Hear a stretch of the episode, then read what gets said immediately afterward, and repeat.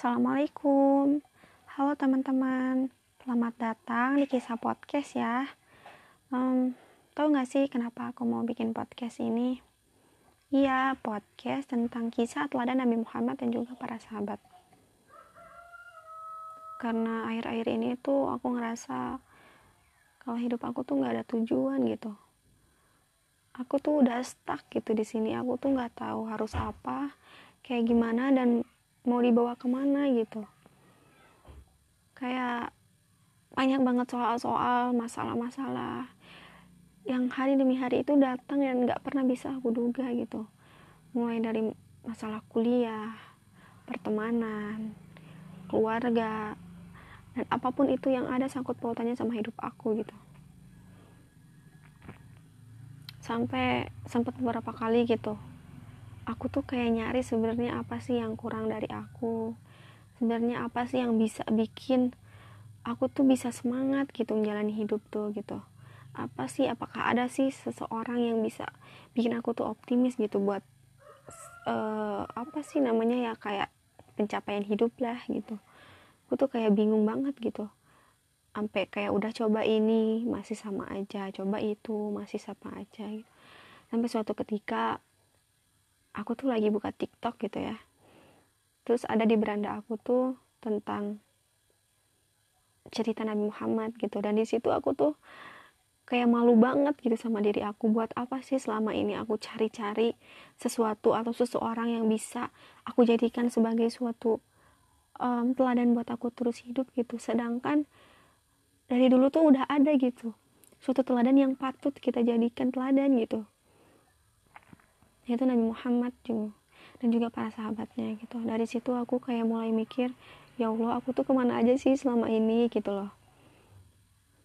Sampai sekarang aku tuh kayak pengen banget tahu kisah-kisah Nabi Muhammad dan juga para sahabat yang banyak banget hikmahnya gitu. Yang banyak banget uh, sesuatu yang bisa kita jadikan teladan gitu buat kita tuh bisa hidup di zaman sekarang gitu. Yang banyak banget masalahnya gitu. Yang banyak banget ya istilahnya hal-hal yang nggak pernah bisa kita duga sebelumnya gitu.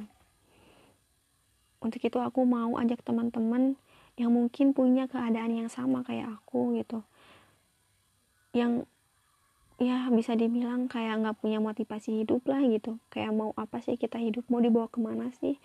Yuk kita cari kita benah. Kisah-kisah teladan Nabi Muhammad dan juga para sahabatnya. Yuk kita jadikan sebagai pedoman um, bukan pedoman sih yuk kita jadikan sebagai suatu teladan buat kita tetap bisa menjalani hidup gitu. Bismillah yuk kita bisa. Halo selamat malam teman-teman. Selamat datang di podcast aku ya. Um, dulu sekarang di sini hujan nih mana dingin lagi. Tahu kan kalau misalkan aku tuh di kampung jadi kalau di kampung itu udah hujan tambah um, dingin. Nah jadi sekarang aku mau coba jelasin tentang sistem paging pada sistem um, komputer eh, sistem operasi. Nah apa sih sistem paging itu? Nah kita harus ketahui dulu nih bahwa ada beberapa komponen yang harus kita perhatikan dalam paging ini. Yang pertama adalah page dan yang kedua ada prem. Apa sih page dan prem ini? Page itu merupakan um, satu komponen yang membagi-bagi proses menjadi bagian-bagian kecil yang ukurannya sama dengan bagian-bagian memori. Jadi ada suatu proses yang besar atau utuh yang mana dia itu akan dibagi-bagi menjadi bagian-bagian yang kecil kayak gitu. Lalu untuk frame ini adalah blok dengan blok dengan ukuran tetap yang berada pada memori fisik. Jadi ada beberapa blok-blok dengan ukuran yang tetap yang berada pada memori fisik gitu yang udah ada di memori fisik. Nah, lalu untuk paging itu sendiri apa sih? Jadi paging itu adalah membagi memori menjadi blok-blok dengan ukuran tetap. Jadi ada suatu memori yang uh, diisi penuh gitu dan akan dibagi-bagi sehingga dapat um, menjadi blok-blok dengan ukuran yang tertentu gitu. Nah, lalu ada contohnya ya, contoh dari um, page itu seperti apa dan juga memori itu seperti apa atau frame itu seperti apa. Contohnya nih ada suatu tabel Nah, satu tabel ini tuh berisi page yang mana page ini tuh merupakan logical address dan yang di memori fisik atau frame ini tuh adalah memori fisiknya gitu. Bisa kebayang ya? Jadi misalkan dalam satu tabel ini ada satu proses yang mana page ini itu dinamakan sebagai logical addressnya lalu ada satu lagi tabel yang ini tuh adalah tabel untuk frame yang mana frame ini tuh disebut atau ditempatkan di memori fisik. Jadi nanti uh, akan ada uh, istilah bahwa satu page ini tuh ditam di satu page uh, satu page ini tuh ditempatkan di frame keberapa kayak gitu. Misalkan page 0 uh, ditempatkan di frame 0 page 2 ditempatkan di frame 20 page 1 ditempatkan di frame 1 begitu seterusnya nah sehingga kita dapat menyimpulkan bahwa um, paging ini tuh memiliki fleksibilitas tinggi. Artinya bahwa sebuah proses yang dibagi-bagi kecil tadi ada page 1, ada page 2, page 3 dan seterusnya uh, dan masing-masing page akan disimpan di dalam frame-frame yang berbeda yang mana tadi kan ada frame 1, frame 2 kan?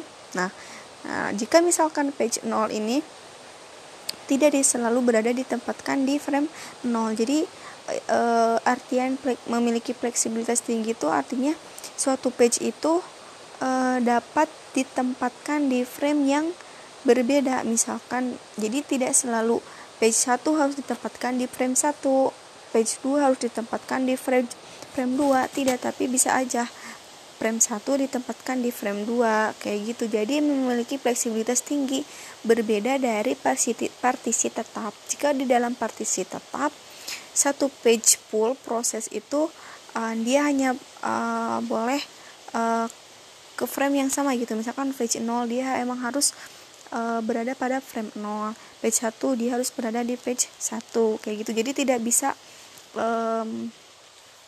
memilih atau berbeda-beda frame kayak gitu.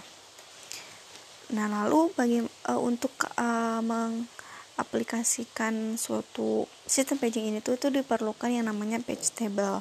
Apa sih page table? Jadi page table ini tuh berfungsi untuk memberikan informasi pemetaan uh, page ke frame. Jadi satu page ini tuh berada di frame keberapa sih? Satu page ini tuh ditempatkan di frame yang mana sih? Kayak gitu. Dan uh, page table ini tuh dimiliki oleh setiap proses. Nah di dalam page table itu hanya ada dua informasi. Yang pertama adalah nomor page yang kedua adalah nomor frame. Dan nomor page selalu dimulai dari nol ya. Nih kita coba ilustrasikan contohnya. Yang pertama ada saat, uh, kita contoh bikin tiga buah tabel. Tabel yang pertama itu adalah logical memorinya yang mana kita tahu bahwa logical memory itu adalah page. Ada page 1, page 2, page 3, page 4 dan seterusnya. Lalu kita bikin lagi yang physical memorinya yang mana di physical memory ini adalah frame. Jadi di situ ada uh, frame 1, frame 2, frame 3, frame 4 sampai seterusnya. Lalu kita bikin lagi yang terakhir, ada yang namanya page table ini, yang mana tadi kita udah ketahui kalau di dalam page table itu ada dua informasi. Ya kan? Yang pertama ada nomor page dan nomor frame. Yang mana dari mana kita bisa mengisi ini? Untuk nomor page kita ambil dari logical memory tadi. Kita tulis lagi aja tadi uh, ada berapa page nih? Misalkan ada 10 page. Ya udah kita tulis aja lagi nomor page-nya itu ada sampai 10 gitu. Lalu untuk nomor frame kita isinya gimana? Nah kalau misalkan untuk nomor frame kita lihat uh, page ini tuh ditempatkan di frame keberapa? Misalkan page 4 dia itu ditempatkan di um, page 1 berarti kita tulis nomor page 4 berada di frame 1 misalkan page 3 berada di page 2 kayak gitu. Sehingga di dalam uh, page table-nya itu ada nomor page sama nomor frame-nya ya. Jadi nomor page sama nomor frame itu memang sudah sesuai gitu. Um, lalu kita bahas sedikit antara perbedaan antara paging dan juga partisi tetap karena um, sistem paging ini tuh merupakan representasi dari partisi tetap yang mana memiliki perbedaan bahwa um, Paging ini tuh memiliki ukuran partisi yang lebih kecil, lalu programnya itu boleh menempati lebih dari satu partisi. Um, lalu letak program atau page di dalam memori itu boleh tidak berurutan. Jadi kayak tadi ya, jadi um, page A boleh di frame 1, page 2 bisa di frame 0 kayak gitu. Jadi tidak berurutan. Lalu ada jenis-jenis alamat. Jadi dalam sistem paging ini tuh ada dua jenis alamat yang mana ini tuh sangat berfungsi dalam uh, pengaplikasian sistem paging itu sendiri yang pertama adalah logical address yang tadi sudah kita bahas dari tadi kita sebut-sebut dan juga physical address apa sih sebenarnya jadi logical address itu alamat yang dilihat oleh proses dan alamat yang diberikan oleh CPU yang mana itu kayak um, alamat yang berfungsi untuk memudahkan CPU dalam memberikan uh, dalam melakukan pengalamatan gitu. Lalu ada physical address-nya itu adalah alamat yang ada di, di memori fisiknya. Nah, lalu ada istilah MMU atau Memory Management Unit. Nah, yang mana dalam sistem paging ini tuh kita memerlukan yang namanya MMU ini. Karena ini tuh merupakan um, satu unit yang berfungsi untuk mentranslasikan antara logical address dan physical address kayak gitu. Ini tuh MMU dan ini tuh merupakan bagian dari CPU ya. Jadi MMU ini itu kan tadi mentranslasikan logical address dan physical address yang mana CPU ini melihat sebagai logical address dan memori ini melihat sebagai physical address. Ya udah paham? Contohnya kayak gini deh ya. Uh, misalkan CPU CPU ini itu contohnya dia uh, uh, menyimpan se informasi seluruh mahasiswa uh, yang ada di Universitas Pendidikan Indonesia gitu. Dengan ber dari berbagai jurusan. Misalkan mahasiswa A dia berada di jurusan matematika. Uh, mahasiswa B dia berada di jurusan ilmu komputer. Begitu seterusnya sehingga um, CPU hanya bisa menyebutkan bahwa misalkan satu mahasiswa ini tuh dia berada di fakultas mana di jurusan apa kayak gitu. Nah lalu untuk memori physical address uh, dia memiliki suatu informasi yang berkaitan dengan tadi CPU yang mana physical address ini tuh memberikan suatu poin yang penting yang mana jika uh, kita lihat di kehidupan nyatanya mungkin saja ya um, suatu informasi A berada di um, kampus A misalkan eh maaf misalkan satu mahasiswa ini ada di jurusan ini bisa aja kan kita tuh salah orang bisa aja kan ada yang namanya sama atau gimana gitu. Sehingga di physical memory ini tuh kita um, memiliki suatu NIM gitu. Sehingga di sini nanti uh, akan didapatkan dari CPU misalkan ada sesuatu yang mencari mahasiswa A. Sehingga di sini logical address membaca misalkan oh mahasiswa A ada di jurusan ilmu komputer lalu dia masuk ke physical address dengan NIM 1906321 seperti itu jadi um, untuk di physical addressnya itu ini merupakan suatu alamat yang sudah pilot gitu nah lalu kita masuk ke pengalamatan logik pada patching Hmm, cara mendapatkan alamat logiknya itu adalah nomor page ditambah offset. Bisa dibilang baris ya offset tuh. Jadi contoh kita bayangkan ada suatu buku yang mana di dalam su suatu buku itu terdapat page atau halaman dan juga terdapat baris yang mana baris ini tuh di kita sebut sebagai offsetnya kayak gitu. Satu offset itu sama dengan satu alamat. Offset representasi jumlah baris di dalam sebuah page. Nah, lalu kita konversi dari logical ke fisikal. Gimana tuh cara konversi um, alamat logical ke fisikalnya? Jadi contohnya kita ilustrasikannya seperti ini. CPU yang mana di dalam CPU ini tuh kan tadi membacanya itu sebagai logical kan, logical um, address yang mana di logical address itu berisikan page-page dari suatu proses. Nah, satu page uh, page-page ini tuh dia berada pada frame yang keberapa pada frame keberapa uh, informasi ini tuh dimuat di dalam suatu page tabel tadi kan yang ada dalam page tabel itu ada dua informasi nomor page sama frame kayak gitu kan. Nah yang mana nanti hasil dari um, frame itu akan ditambahkan dengan nilai offset. Offset itu didapat dari mana nanti kita akan jelaskan. Dan uh, hasil dari penjumlahan itu akan menjadi suatu physical memorinya. Kalau misalkan kita lihat di contoh yang tadi saya jelaskan, jika CPU memiliki suatu uh, informasi mengenai seluruh mahasiswa yang ada di UPI berdasarkan jurusan-jurusannya, nah dia akan ditambahkan dengan NIM tadi sehingga akan menjadi suatu physical memory atau finalnya. Kayak gitu. ini ada contoh kasusnya ya. Misalkan diketahui alamat logika logika 1520 yaitu basis desimal atau basis 10 jumlah bit pengalamatannya adalah 16 bit. Ukuran page-nya itu 1 kilobyte atau 1024 setara dengan 2 pangkat 10 nah jadi di sini kita mendapatkan informasi bahwa jumlah keseluruhan dari bit uh, page ini adalah 16 bit yang mana setiap um, page-nya ini tuh memiliki ukuran 1024 atau setara dengan 2 pangkat 10 nah lalu kita cari oh, untuk offsetnya itu berapa nah offsetnya itu kita dapat dari 2 pangkat 10 2 pangkat 10 ini tuh dari mana? Maksudnya hasil apa? Yaitu hasil uh, jadi dua pangkat berapa yang menghasilkan 1024 gitu. Lalu di sini ada pertanyaannya. Pada page keberapa alamat 1502 atau ada pada halaman keberapa sih 1502 ini tuh alamat logit 1520 ini? Dan berada pada offset keberapa dan ada di baris keberapa? Itu pertanyaannya. Nah di sini kita punya dua solusi ya. Dan kita bahas dulu pakai solusi yang pertama. Contoh.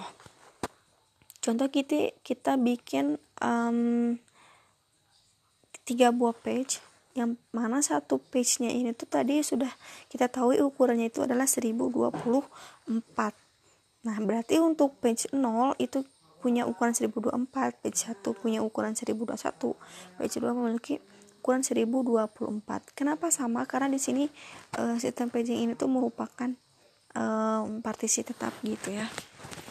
Nah lalu kita cari setelah kita bikin tuh um, suatu page-page dengan space-nya masing-masing kita cari 1502 ini tuh 1502 itu ada di page keberapa kita coba dulu kita masukkan itu page 0 nah ternyata itu tidak cukup karena 1502 ini tuh kebesaran memiliki nilai yang lebih besar daripada total dari kapasitas page 0 itu sendiri yaitu 1024 jadi itu tuh nggak masuk.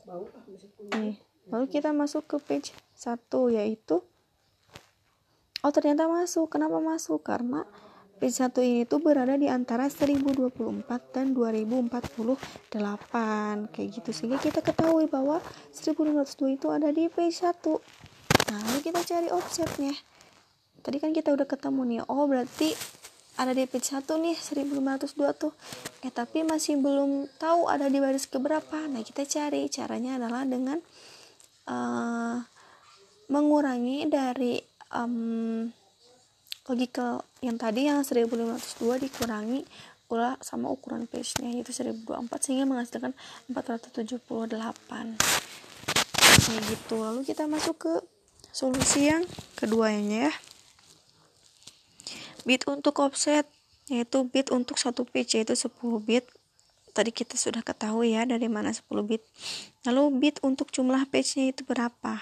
Yaitu bit total dikurangi bit untuk offset yaitu bit totalnya ada berapa? Tadi kan ada 16 bit totalnya dikurangi 10 sama dengan 6 bit. Berarti untuk page-nya ini tuh memiliki ukuran 6 bit. Lalu untuk page-nya berapa? Untuk page-nya itu berarti 2 pangkat 6 sama dengan 64 page. Nah untuk tadi kan kalau di contoh solusi yang pertama kita bikin um, 3 buah page kan. Nah sebenarnya itu adalah 60 page dengan masing-masing berukuran 1 KB.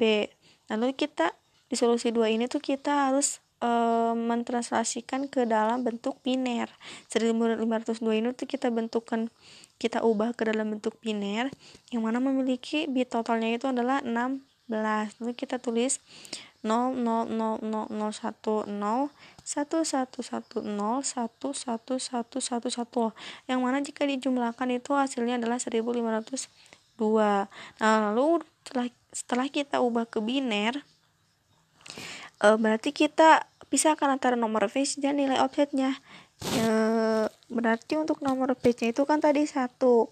Yang mana satu ini tuh memiliki um, bitnya uh, memiliki jumlah bitnya itu adalah bitnya itu adalah 6 sehingga 6 bit um, pertama pada bilangan biner itu adalah itu adalah nomor page dan 10 bit terakhir itu adalah nomor offsetnya atau nilai offsetnya.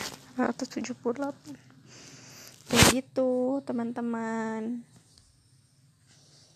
Mungkin cukup sekian ya kepanjangan nih kayaknya. Oke, Bismillahirrahmanirrahim. Assalamualaikum warahmatullahi wabarakatuh. Uh, di sini kami dari kelompok 4 dengan uh, nama kelompok Asita, ada Wafa, ada Tira dan juga Yasid. Uh, di sini kami akan menjelaskan mengenai sistem paging. Kita mulai aja ya. Nah, uh, ada dua buah komponen yang harus kita ketahui yang ada di dalam sistem paging itu yaitu ada um, page dan juga frame. Yang pertama adalah page. Page itu apa? Yaitu page itu adalah membagi-bagi proses menjadi bagian-bagian kecil yang ukurannya sama dengan bagian-bagian memori. Jadi, ada satu proses yang besar gitu ya yang mana nantinya akan dibagi uh, menjadi bagian-bagian kecil yang ukurannya itu sama dengan bagian-bagian memori kayak gitu. Lalu yang kedua ada frame. Frame itu apa? Yaitu blok dengan ukuran tetap yang berada pada memori fisik. Jadi udah ada um, jadi jadi ada memori fisik. Nah memori fisik itu kan tadi udah um, apa namanya dibagi-bagi gitu. Nah blok-blok itu tuh namanya tuh adalah frame. Nah lalu paging itu apa? Membagi memori menjadi blok-blok dengan ukuran tetap. Nah, blok-blok ini tuh yang dinamakan sebagai frame. Jadi yang ada di paging itu misalkan ada satu memori nih, satu memori ini tuh um, dibagi-bagi menjadi blok-blok. Nah, blok-blok itu tuh dinamakan sebagai frame. Kayak gitu. Contohnya ilustrasinya, misalkan kita ada uh, memiliki dua buah tabel. Yang pertama ada pe, uh, tabel untuk page dan yang kedua ada untuk frame. Yang mana page itu kan tadi ada um, satu proses yang besar yang mana dibagi-bagi kan. Bagi-bagi berarti di sini tuh ada beberapa page dari satu proses ini ada page 0, page 1, page 2 dan seterusnya. Lalu tabel berikutnya adalah memori fisik. Yang mana memori fisik ini tuh adalah menyimpan frame-frame yang tadi, blok-blok yang tadi. Nah, di situ ada frame 0, frame 1, frame 2 sampai seterusnya. Nah, lalu di sini kita ilustrasikan misalkan satu page ini tuh ditempatkan di frame berapa satu proses dengan page satu ini ditempatkan di memori fisik di dalam frame berapa gitu. Contohnya misalkan page 0 dia berada di frame 0, page 1 dia ada di frame 20, page 2 dia ada di frame 1, begitu seterusnya. Nah, dengan begitu kita dapat melihat bahwa paging ini memiliki fleksibilitas yang tinggi. Kenapa? Artinya bahwa um, suatu proses yang besar yang mana dia itu dibagi-bagi kecil kan menjadi beberapa page dan masing-masing page itu kan akan disimpan dalam frame-frame yang mana um, jika misalkan nih tadi kan page 1 dia itu tidak harus berada di frame 1 kan tapi page 1 ini dia bisa aja berada di frame 20 page 2 nggak harus di frame 2 tapi dia bisa aja berada di frame 1 artinya um, paging ini memiliki fleksibilitas yang tinggi gitu jadi dia bisa um, berada di frame yang berbeda tidak harus sesuai dengan uh, nomor fetch yang proses itu miliki gitu.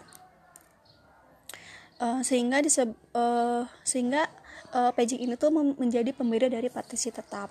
Karena kenapa? Karena um, yang sudah kita ketahui ya bahwa sistem paging ini tuh merupakan representasi uh, atau pengembangan dari partisi tetap. Yang mana jika partisi tetap itu sama sebenarnya. Suatu proses yang besar yang dibagi-bagi menjadi beberapa page namun dia um, harus ditempatkan di frame yang sesuai dengan nomor page. Jadi page 0 berarti dia harus berada di frame 0 page 1 berarti dia harus ada di frame 1 kayak gitu. Sehingga memiliki fleksibilitas yang lebih rendah daripada sistem paging kayak gitu ya. Nah lalu untuk mengaplikasikan itu kita memerlukan page table. Untuk mengaplikasikan sistem paging itu kita menggunakan page table. Jadi apa sih fungsinya page table tuh jadi fungsinya itu adalah memberikan informasi pemetaan page ke frame. Jadi suatu page itu adanya di frame keberapa sih? Kayak gitu. Jadi page satu ini ditempatkan di frame keberapa sih? Kayak gitu. Karena di sini kan bisa aja page satu ini ada di frame ke-20.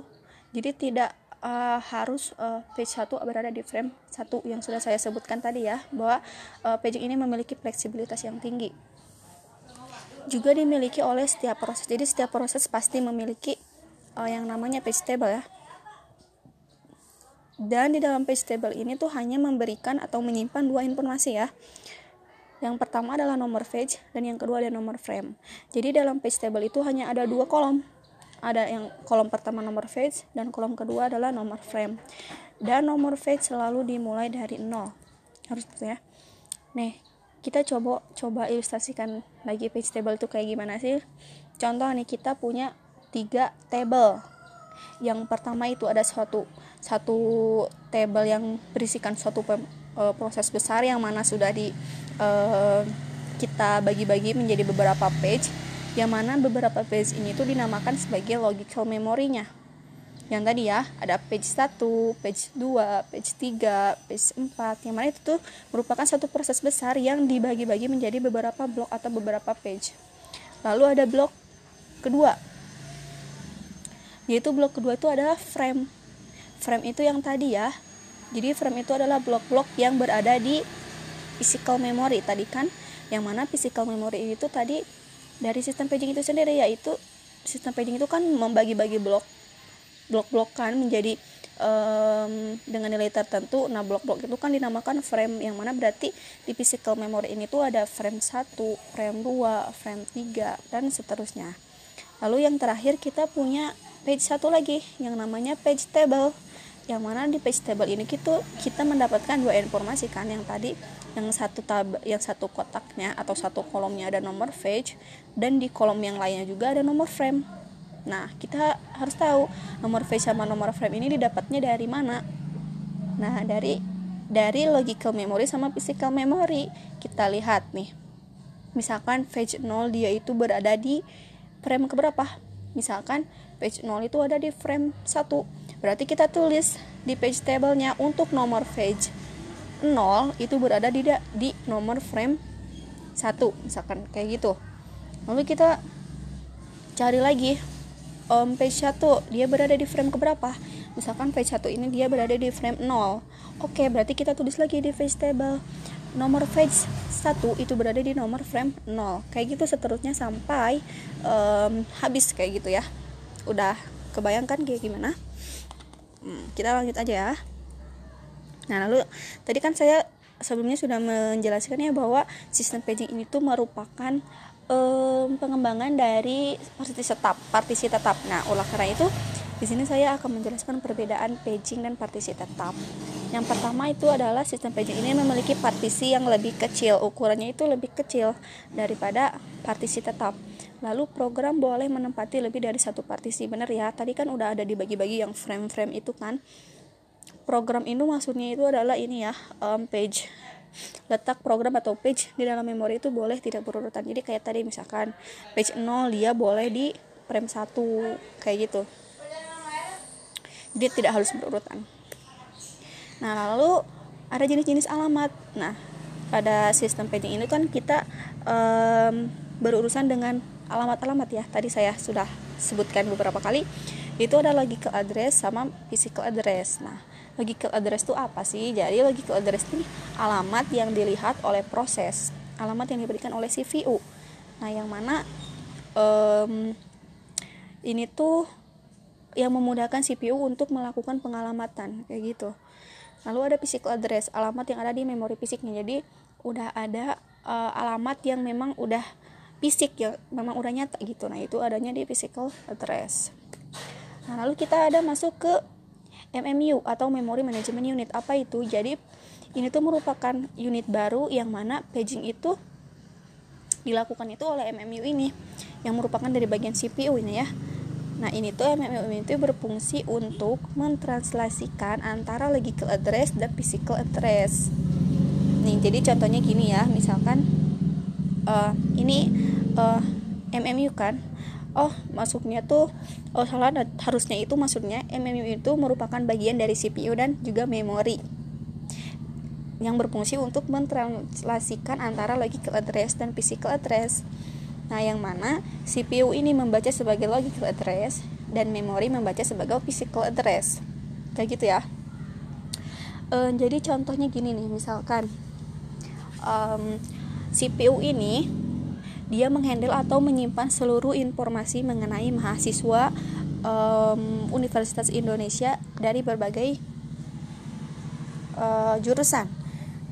Jadi misalkan um, mahasiswa A itu dia berada di jurusan ilmu komputer. mahasiswa B itu dia ada di jurusan kimia mahasiswa C dia ada di urusan di jurusan matematika kayak gitu jadi si ini hanya menguruskan satu mahasiswa ini tuh adanya di jurusan mana sih? Kayak gitu. Nah lalu di sini uh, physical address membaca lagi. Um, mahasiswa A dengan jurusan di mana itu dengan NIM berapa? Kayak gitu. Jadi dispesifikin lagi mahasiswa ini tuh NIMnya berapa gitu. Jadi kalau misalkan di CPU tuh hanya bilang oh uh, mahasiswa A dia adanya di jurusan A nih. Nah tanpa meng, tanpa uh, mengurusi nimnya berapa. Terus misalkan um, berapa mata kuliah yang dia ambil dan seterusnya. Yang detail-detailnya gitu. Nah untuk yang detail-detailnya itu dibacanya oleh physical address. Jadi kan bisa aja nanti kan kalau misalkan ada yang nyari nih ke CPU eh mahasiswa A di mana nih? Oh mahasiswa A ada di komputer. Misalkan di ilmu komputer di jurusan ilmu komputer. Nah tapi bisa aja kan jika tidak ada physical address itu dia bisa aja hilang arah. Bisa aja misalkan mahasiswa A ini tuh namanya sama dengan mahasiswa B misalkan gitu. Jadi bisa aja salah orang kayak gitu. Sehingga di sini untuk physical addressnya dia menambahkan NIM. Sehingga nanti kalau ada yang nanya ke CPU nih eh, mahasiswa A ada di uh, jurusan ilmu komputer. Nah, lalu ditranslasikan ke physical address dengan NIM 1906 berapa berapa berapa kayak gitu. Udah kebayang ya gimana MMU ini bekerja. Jadi bagaimana cara mentranslasikannya dari logical address ke physical address. Nah, lalu ada pengalamatan logik pada paging. Gimana caranya itu? Nah, alamat logik itu berarti uh, yaitu menambahkan antara nomor page dan juga offset Nah, offset ini apa sih? Nah, kita bayangkan ada suatu buku besar yang mana di dalam suatu buku itu ada yang namanya halaman dan juga ada baris. Nah, untuk halamannya itu disebut dengan page dan untuk setiap baris di setiap halaman itu dinamakan offset. Jadi offset di sini itu bisa dibilang barisnya ya. Nah, satu offset atau satu baris itu satu alamat dan satu baris ini tuh merepresentasikan jumlah baris di dalam sebuah page. Jadi benar ya, baris-baris atau offset-offset ini tuh ada di dalam suatu page kayak gitu nah contohnya misalkan gini um, bagaimana konversi dari logical ke physicalnya contohnya kita ilustrasikan. Ada sebuah CPU yang mana CPU itu kan logical addressnya. Tadi kan um, CPU ini dia memegang page kan? Page page. Ya kan? Nah dia itu ditempatkan di frame keberapa? Nah, kita masuk ke page table, udah masuk ke page table. Yang mana di page table ini tuh kan tadi adanya ada dua informasi kan. Ada nomor page sama nomor frame. Oke. Okay? Nah, di sini misalkan e, dari logical addressnya itu dia memiliki nomor satu, page satu. Dia ditempatkan di frame keberapa? Misalkan di frame 2 nih Oke, berarti kita tulis di page table-nya frame 1 ini berada eh page table 1 ini eh page 1 ini berada di frame yang kedua. Nah, setelah itu ditambahkan dengan offset. Nilai offset yang mana nanti akan jadi physical memory. Oke, physical memory ini apa? Jadi physical memory itu yang alamat yang udah pastinya gitu, alamat yang udah um, jadinya gitu. Jadi biar lebih kompleks aja gitu. Jadi misalkan um, satu proses misalkan ada di page 1 baris ke 2 jadi memang udah uh, kompleks gitu di mana gitu. Jadi physical memory deh. Kalau misalkan tidak ditambahkan dengan offset jadinya nanti cuma seperti ini doang.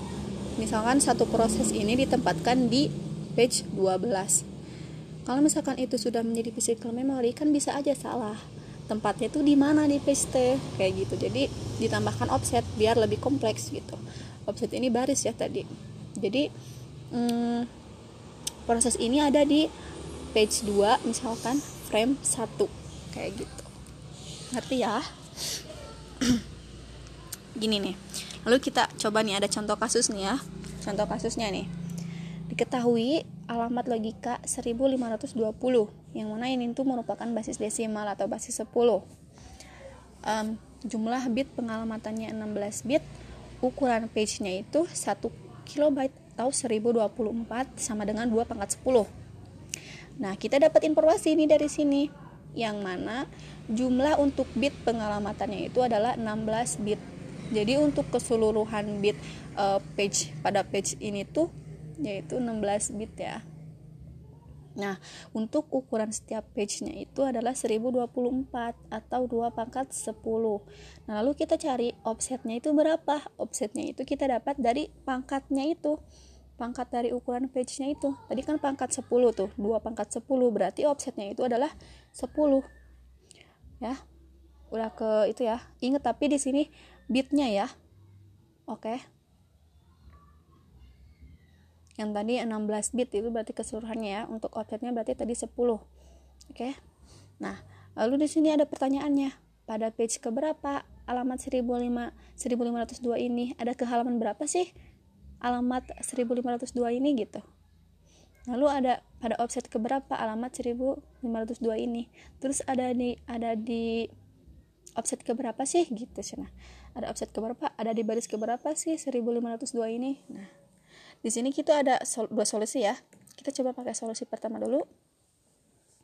Kita coba bayangkan di sini ada suatu memori yang kita ubah menjadi beberapa page. Contohnya kita um, isi dengan tiga page ya. Page 1, page eh, page 0, page 1 sama page 2. Yang mana tadi sudah disebutkan di soal untuk ukuran setiap page-nya itu 1024. Berarti untuk ukuran page 0 itu berarti 1024 page 1 1024 page 2 1024 dan seterusnya sampai ke bawah gitu. Nah lalu kita cari deh 1502 itu ada di page keberapa sih? Masuknya di page keberapa sih? Nah kita masukkan contohnya 1502 ini kita masukkan ke page 0 oh ternyata kurang nih. Nggak masuk nih soalnya 1502 ini kegedean. Nggak cukup sama 1024 oke berarti kita masuk ke page 1 oh ternyata masuk. Kenapa masuk? Kan sama 1024 enggak. Tapi untuk P1 ini tuh dia itu di antara 1024 dan 2048 jadi dia masuk ya.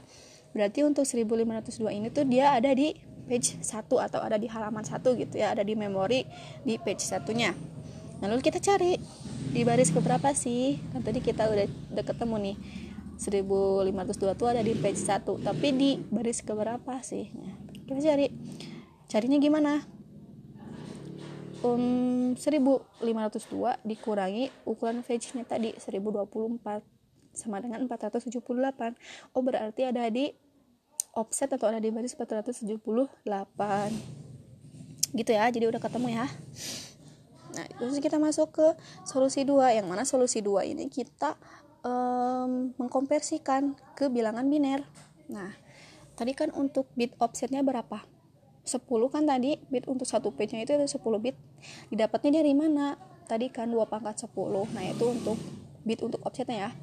Lalu bit untuk jumlah page nya tadi berapa? Bit untuk jumlah page nya yaitu caranya adalah bit total dikurangi bit untuk offset. Tadi kan bit totalnya udah ketemu tuh udah dikasih tahu katanya di soal 16 dikurangi bit untuk offset 10 sama dengan 6 berarti bit untuk jumlah page-nya itu ada 6 oke di sini udah paham ya?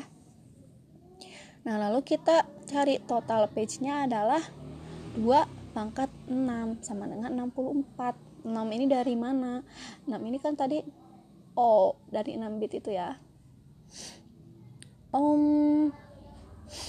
um, 4 page dengan masing-masing page berukuran satu kali jadi tadi kan kita contohnya tadi kan kita baru bikin ini ya 3 page. Nah harusnya itu ada ada 64 page. Gitu harusnya itu. Nah lalu kita contoh uh, lalu kita masuk ke uh, konversi ke bilangan binernya tadi kan 1502 kalau ditulis di dalam binernya tuh kayak gimana? Dengan bit totalnya itu ada 16 bit. Yang dalam artian berarti ada 16 bit ya di sini. Nah lalu kita pisahkan page-nya yang mana nilai offsetnya yang mana bit keberapa dari uh, bit mana yang jadi page bit mana yang jadi offset gitu. Tadi kan udah ketemu tuh nomor page-nya itu satu. Berarti um, di page uh, berarti untuk um, biner yang memiliki nilai satu tuh berapa sih gitu? Jika dilihat dari alamat uh, tadi yang 1502 yang udah dikebinirin itu yang memiliki nilai satu yang mana gitu. Nah tapi kita lihat dulu tadi bitnya berapa untuk page. Tadi kan udah ketemu 6 berarti 6 bit pertama itu adalah nomor page. Dan untuk nilai offsetnya itu tadi berapa jumlah bitnya yaitu 10 berarti 10 terakhir bitnya itu adalah nilai offsetnya 478 kayak gitu ya. Paham kan? Uh, mungkin cukup sekian ya. Um, oh um, enggak deh. Kita coba contoh ke coba kita ke contoh soal ya. Contoh nih. Uh, diketahui komputer dengan memori 60 KB ukuran page-nya itu 1 KB atau 1024 jadi sama kayak tadi ya jadi ada memori ada page gitu ada 64 page ukuran page-nya satu page-nya itu adalah 1024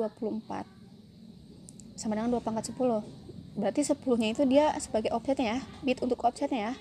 Bit untuk offset ingat bit. Lalu asumsi satu alamat menampung satu bit. Berarti hmm, ya satu bit berarti 64 kali satu berarti 64 bit ya betul. Lalu berapa alamat fisik dari alamat logik? 1502 jika uh, di sini ditampilkan sebuah tabel yang mana di sini tuh ada page table. Nah udah ada di sininya page 0 frame-nya itu 000101 lalu ada page 1 frame-nya itu 000110 atau 0 kali 6 yang tadi yang pertama 0 kali 5 lalu ada page 2 0 kali 7 atau 011001 gitu ya. Harus diingat dulu page table-nya berapa. Karena ini bakal dipakai untuk nantinya ya. Nah langsung kita ke solusi. Solusi yang pertama kita harus ngapain? Hitung bit alamat logiknya. Ukuran memori fisiknya tadi kan 64 nah satu alamatnya itu dapat menampung satu byte maka terdapat 64 alamat ya. Atau 60 page alamat gitu. Nah lalu di sini kita uh, cari deh. Carinya gimana? 64 ke sama dengan 2 pangkat 10 offset tadi ya dikali 2 pangkat berapa? Yang hasilnya 64 itu 2 pangkat 6 kan? Nah berarti 2 pangkat 6 nah lalu kita jumlahkan pangkatnya. 10 ditambah 6 sama dengan berapa? 16 nah berarti itu adalah bit untuk alamatnya ya. Jadi satu alamat itu berisi 16 bit gitu. Semuanya itu ada 16 bit. Nah lalu udah itu kita kebinerin deh 1502 itu kita kebinerin dengan um, 16 bit gitu dengan ukuran 16 bit. Udah udah dikebinerin ya misal. Jadi untuk biner dari 1502 itu adalah 0000 0101 1101 1110 gitu ya. Nah lalu kita tentukan bit untuk offsetnya berapa?